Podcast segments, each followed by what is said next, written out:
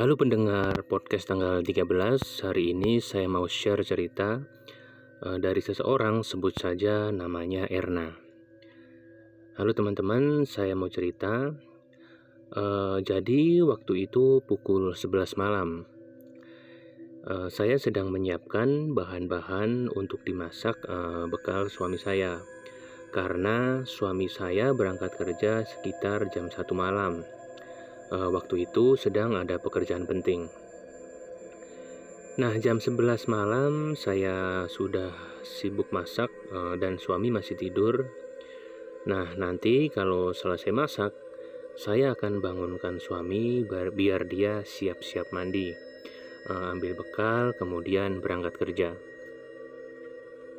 Ketika saya sedang memasak, saya merasa suami saya lewat di belakang saya Lewat belakang saya, dia jalan menuju kamar mandi.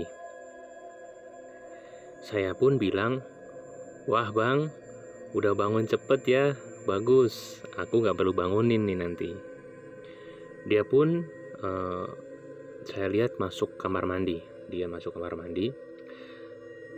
Dan saya lanjut memasak goreng lauk, masak sayur, dan lain-lain. Setelah selesai masak, saya masukkan bekal ke tas, kemudian bersihkan dapur, mengalap dapur, eh, kemudian cuci perabotan. Waktu itu sudah jam 12 malam. Saya pun istirahat di ruang tamu, eh, nyalakan TV. Sambil lihat-lihat ada ada acara apa sih malam-malam seperti ini gitu. Sambil tunggu uh, suami siap-siap berangkat. Kemudian setelah saya ketika nonton TV, saya baru sadar suami saya ini ternyata nggak keluar-keluar dari kamar mandi. Loh kenapa ya dia nggak keluar-keluar lama amat mandi? Saya penasaran, kemudian saya lihat ke kamar mandi. Ternyata nggak ada, lampunya gelap. Kemudian saya mikir, pasti dia ganti baju di kamar. Saya ke kamar, ternyata kamar gelap. Rupa-rupanya suami saya ini masih tidur mendengkur. Bang, bangun bang, terlambat bang, bangun. Suami saya pun terkejut. Ah, pukul berapa nih? Jam setengah satu bang. Alamak, kesiangan ini. Karena mobil jemputan suami ini jam 1 datangnya. Kalau dia telat, pasti dia ditinggal. Saya pun gak sempat nanya apa-apa, suami kaget bangun, langsung ke kamar mandi. Dia mandi cepat sekali, keluar dari kamar mandi, langsung siap-siap, ambil bekal, langsung berangkat.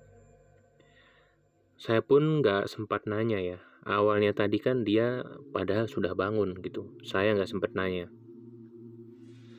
Kemudian pas suami sudah keluar sudah berangkat saya telepon. Bang gimana? Telat nggak bang? Kata suami dia sudah di mobil di mobil jemputan. Alhamdulillah tidak telat gitu.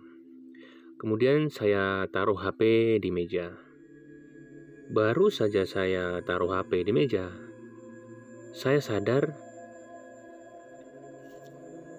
ada suami saya masuk ke kamar tidur uh, yang gelap.